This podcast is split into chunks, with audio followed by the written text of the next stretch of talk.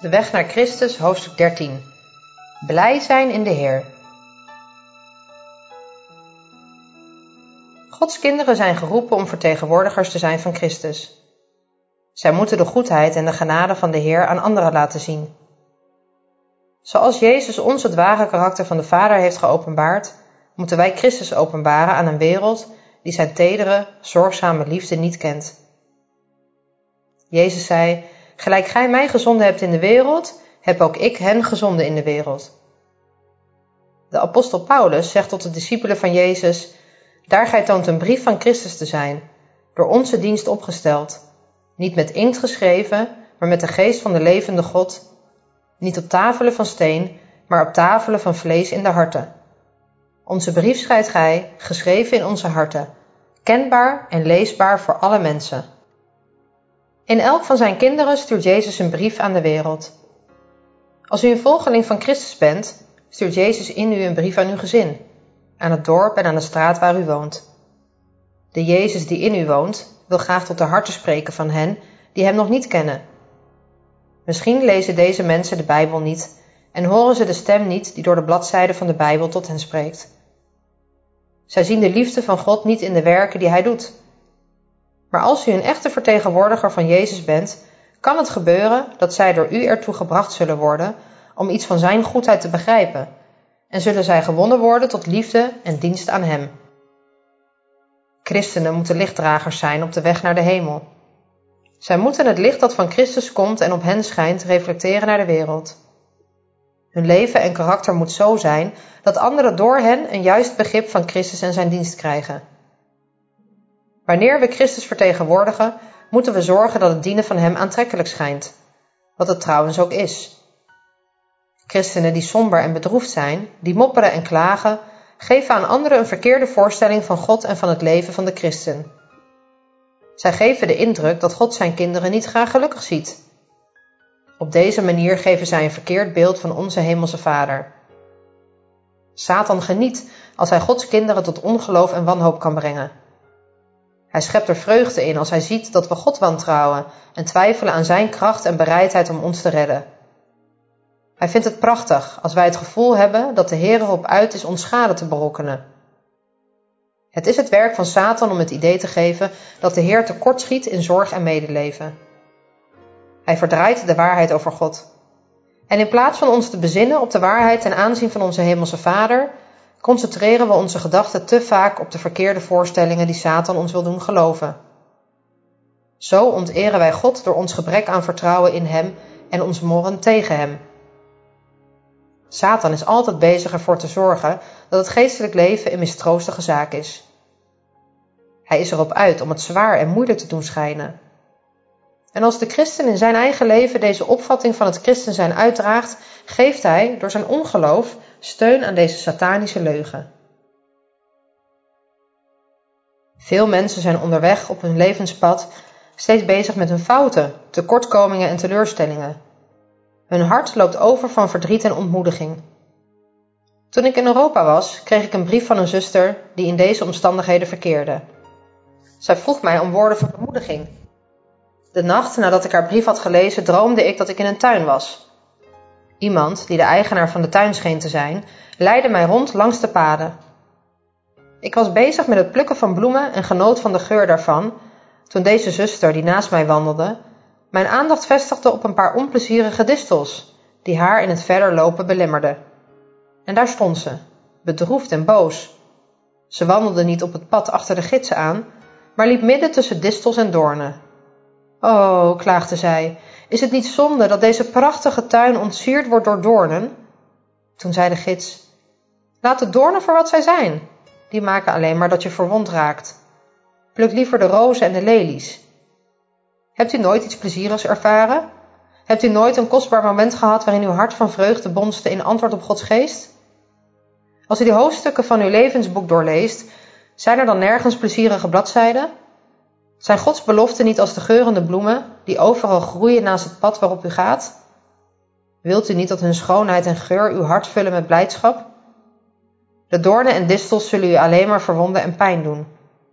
Als u alleen deze dingen verzamelt en aan anderen doorgeeft, doet u dan niet tekort aan Gods goedheid En weerhoudt u dan niet anderen ervan op het pad des levens te wandelen?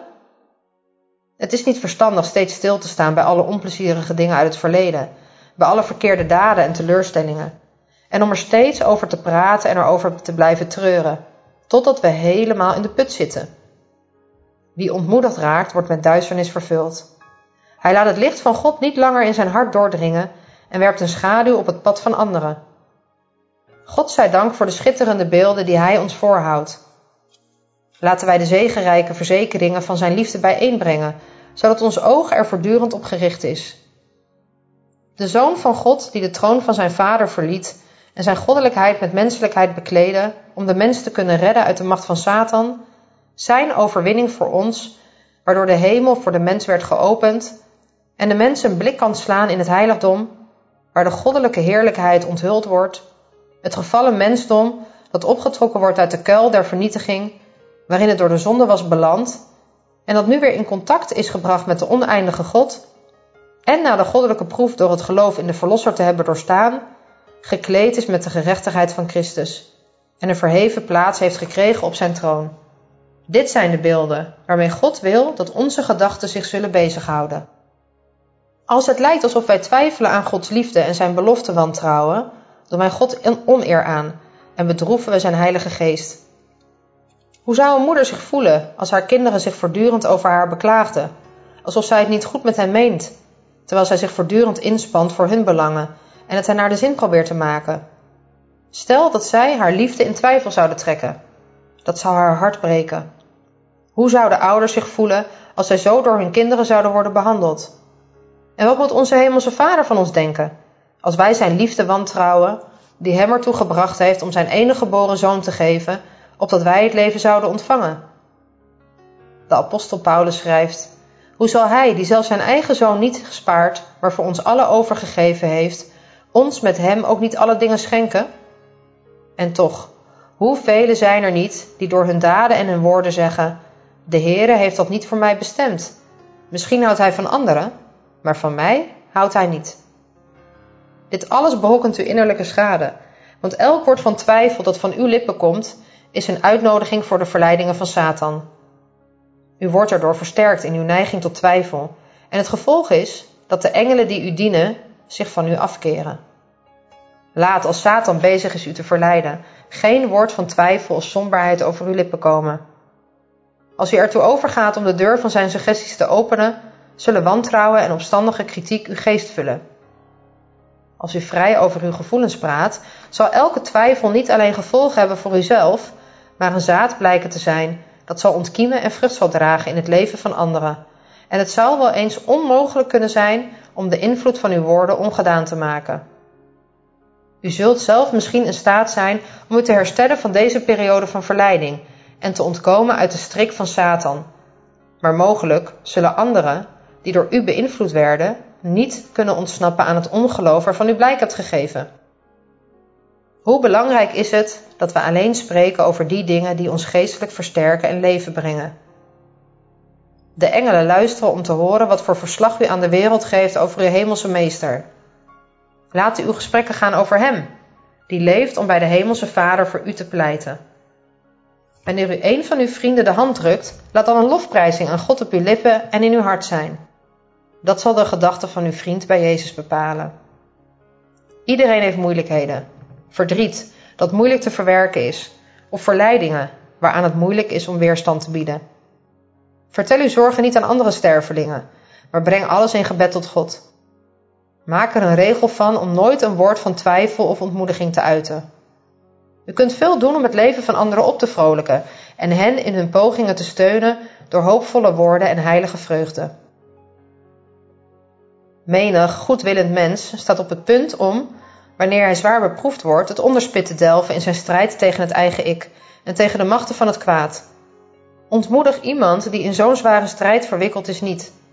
Monter hem op met bemoedigende, hoopvolle woorden die hem kunnen helpen om staande te blijven. Zo kunt u het licht van Christus laten schijnen. Want niemand onzer leeft voor zichzelf en niemand sterft voor zichzelf. Want als wij leven, het is voor de Here, en als wij sterven, het is voor de Here. Zonder dat wij ons daarvan bewust zijn, kunnen anderen door onze invloed worden bemoedigd en versterkt, of worden ontmoedigd en van Christus en de waarheid worden afgedwaald. Veel mensen hebben een foutief idee van het leven van het karakter van Christus. Ze denken dat hij in geen enkel opzicht warmte en vrolijkheid afstraalde, maar ernstig, streng en droefgeestig was. In veel gevallen wordt iemands totale geestelijke ervaring door dit soort naargeestige gedachten gekleurd. Vaak wordt gezegd dat er geschreven staat dat Jezus weende, maar dat ons niet bekend is dat hij ook glimlachte. Inderdaad was onze zaligmaker een man van smarten en bekend met droefheid, want zijn hart stond open voor alle ellende van de mensen. Maar hoewel zijn leven gekenmerkt werd door zelfverloochening en overschaduwd werd door pijn en zorg, raakte hij daardoor niet terneergeslagen. Zijn gezicht droeg geen uitdrukking van smart en ontevredenheid, maar van rust en vrede. Zijn hart was een bron van leven, en waar hij ging nam hij rust en vrede, vreugde en blijdschap mee. Onze zaligmaker was ernstig, maar nooit somber of humeurig. Het leven van hen die hem navolgen zal duidelijk gemotiveerd zijn. Zij zullen een diep gevoel van persoonlijke verantwoordelijkheid bezitten. Lichtzinnigheid zal achterwege blijven. Ze zullen lawaaierig amusement en onbeschaafde grappen uit de weg gaan, maar de godsdienst van Jezus brengt vrede. Het licht van de blijdschap wordt er niet door uitgeblust.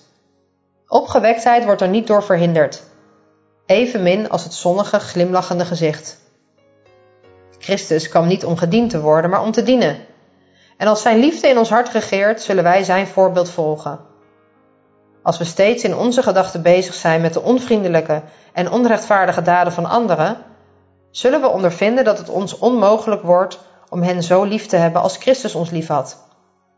Maar als onze gedachten gericht zijn op Christus wonderbare liefde en op zijn medeleven met ons, zal diezelfde geest door ons uitgaan naar anderen.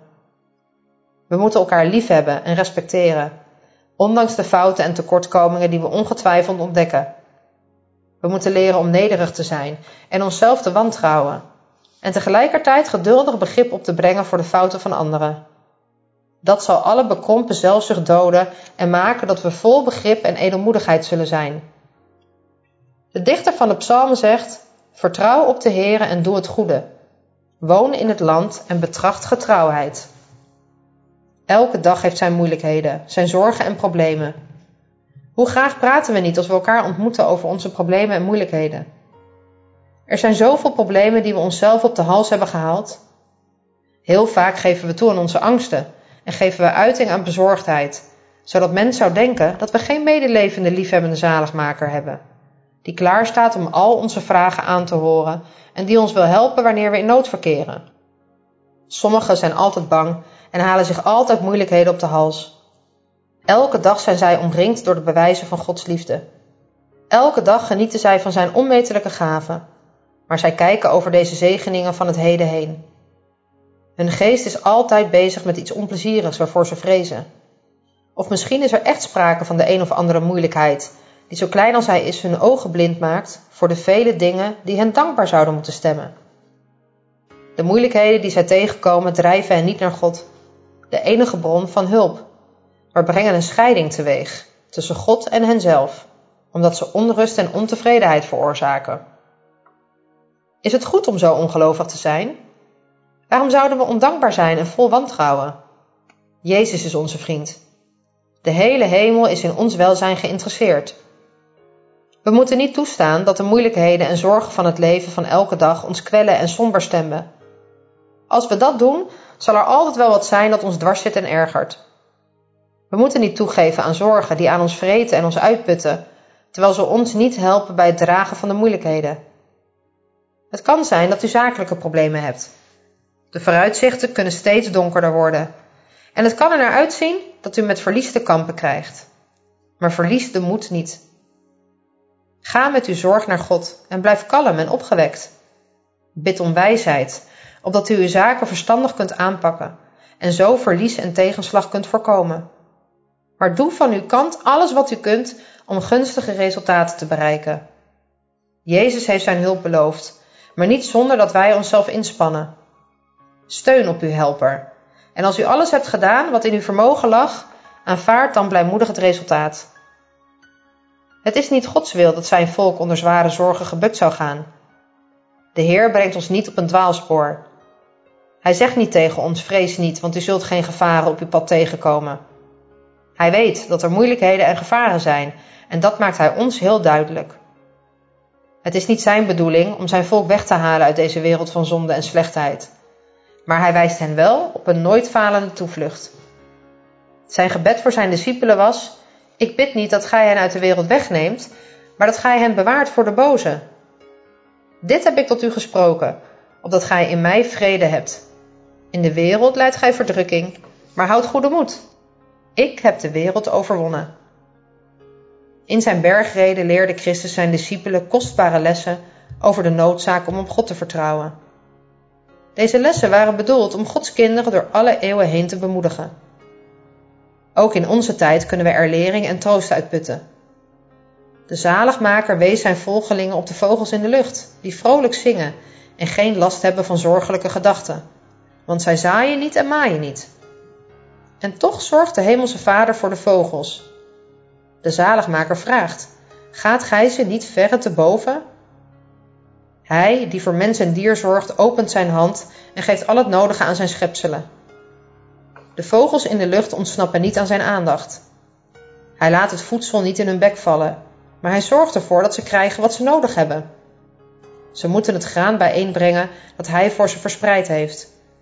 Ze moeten voor materiaal zorgen om er een nest van te kunnen bouwen. Ze moeten hun jongen voeren. Ze doen al zingend hun werk, want uw hemelse vader voedt ze.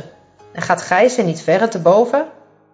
Bent u niet, als met verstand begiftigde geestelijk ingestelde dienaren van God, van meer waarde dan de vogels in de lucht? Zal Hij die ons maakte, die ons leven in stand houdt, die ons naar Zijn beeld vormde, niet zorgen voor alles wat wij nodig hebben? Als we maar op Hem vertrouwen. Christus maakte zijn discipelen opmerkzaam op de bloemen in het veld, op een rijke verscheidenheid, op een eenvoudige schoonheid die ze van de Hemelse Vader hebben ontvangen om uitdrukking te geven aan zijn liefde voor de mens. Hij zei: Let op de leliën des velds, hoe zij groeien. Zij arbeiden niet en spinnen niet. De schoonheid en eenvoud van deze bloemen in de natuur overtreft de wilde van Salomo. Het sierlijkste kleed, door een kunstzinnige hand vervaardigd, kan de vergelijking met de natuurlijke gratie en de schitterende schoonheid van de door God geschapen bloemen niet doorstaan. Jezus stelt de vraag: Indien nu God het gras des velds dat er heden is en morgen in de oven geworpen wordt zo bekleedt, zal hij u niet veel meer kleden, kleingelovigen? Als God, de goddelijke kunstenaar, aan deze bloempjes, die soms binnen een dag verwelken, hun fijne en verschillende kleuren geeft, hoeveel te meer zal hij dan niet zorgen voor hen die naar zijn beeld geschapen zijn? Deze les van Christus is een verwijt aan het adres van elke bange gedachte, alle problemen en twijfel en elk ongelovig hart. De Heer zou graag willen dat al zijn zonen en dochters blij, vreedzaam en gehoorzaam zijn. Jezus zegt: Vrede laat ik u, mijn vrede geef ik u. Niet gelijk de wereld dien geeft, geef ik hem u. Uw hart wordt niet ontroerd of verzaagd. Dit heb ik tot u gesproken, opdat mijn blijdschap in u zij en uw blijdschap vervuld worden. Blijdschap, die uit zelfzuchtige overwegingen wordt nagestreefd en die geen rekening houdt met plicht, is onevenwichtig, grillig en van voorbijgaande aard. Een dergelijke blijdschap gaat voorbij en eenzaamheid en droefheid komen ervoor in de plaats. Maar het geeft vreugde en voldoening om God te dienen. De christen behoeft niet in het onzekere te verkeren. Hij wordt niet overgelaten aan vergeefse spijtgevoelens en teleurstellingen. Als we wellicht geen deel hebben aan de geneugten van dit leven, mogen we vol vreugde uitzien naar het leven hierna. Maar zelfs hier kunnen christenen de vreugde van de gemeenschap met Christus ervaren. Ze kunnen zich koesteren in het licht van zijn liefde en zich steeds getroost weten door zijn aanwezigheid. Elke stap die wij in ons leven zetten, kan ons dichter bij Jezus brengen. Een diepere ervaring schenken van zijn liefde en ons een stap dichter bij dat gezegende tehuis van vrede brengen.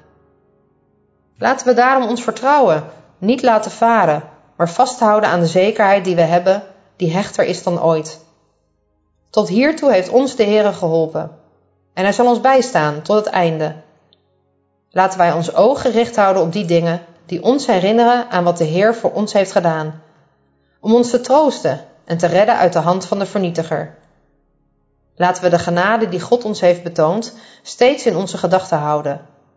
De tranen die Hij heeft afgewist, de pijn die Hij heeft gestild, de angst die Hij heeft weggenomen, de vrees die Hij heeft verjaagd, de noden waarin Hij heeft voorzien, de zegeningen die Hij heeft geschonken, die ons zodoende sterk maken voor de rest van onze pelgrimstocht.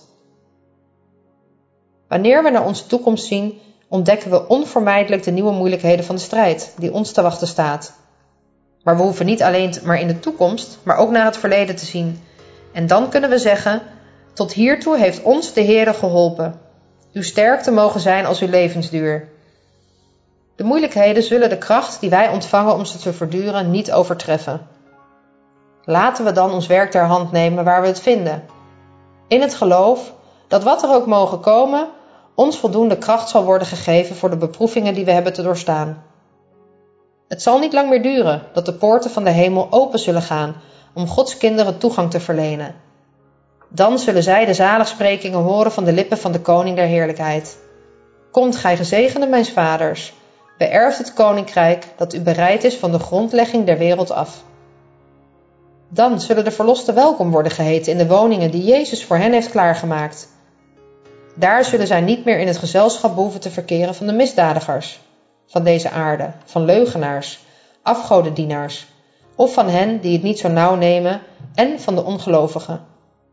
Zij zullen dan samen zijn met hen die de overwinning hebben behaald op Satan en die door Gods genade een volmaakt karakter hebben ontwikkeld.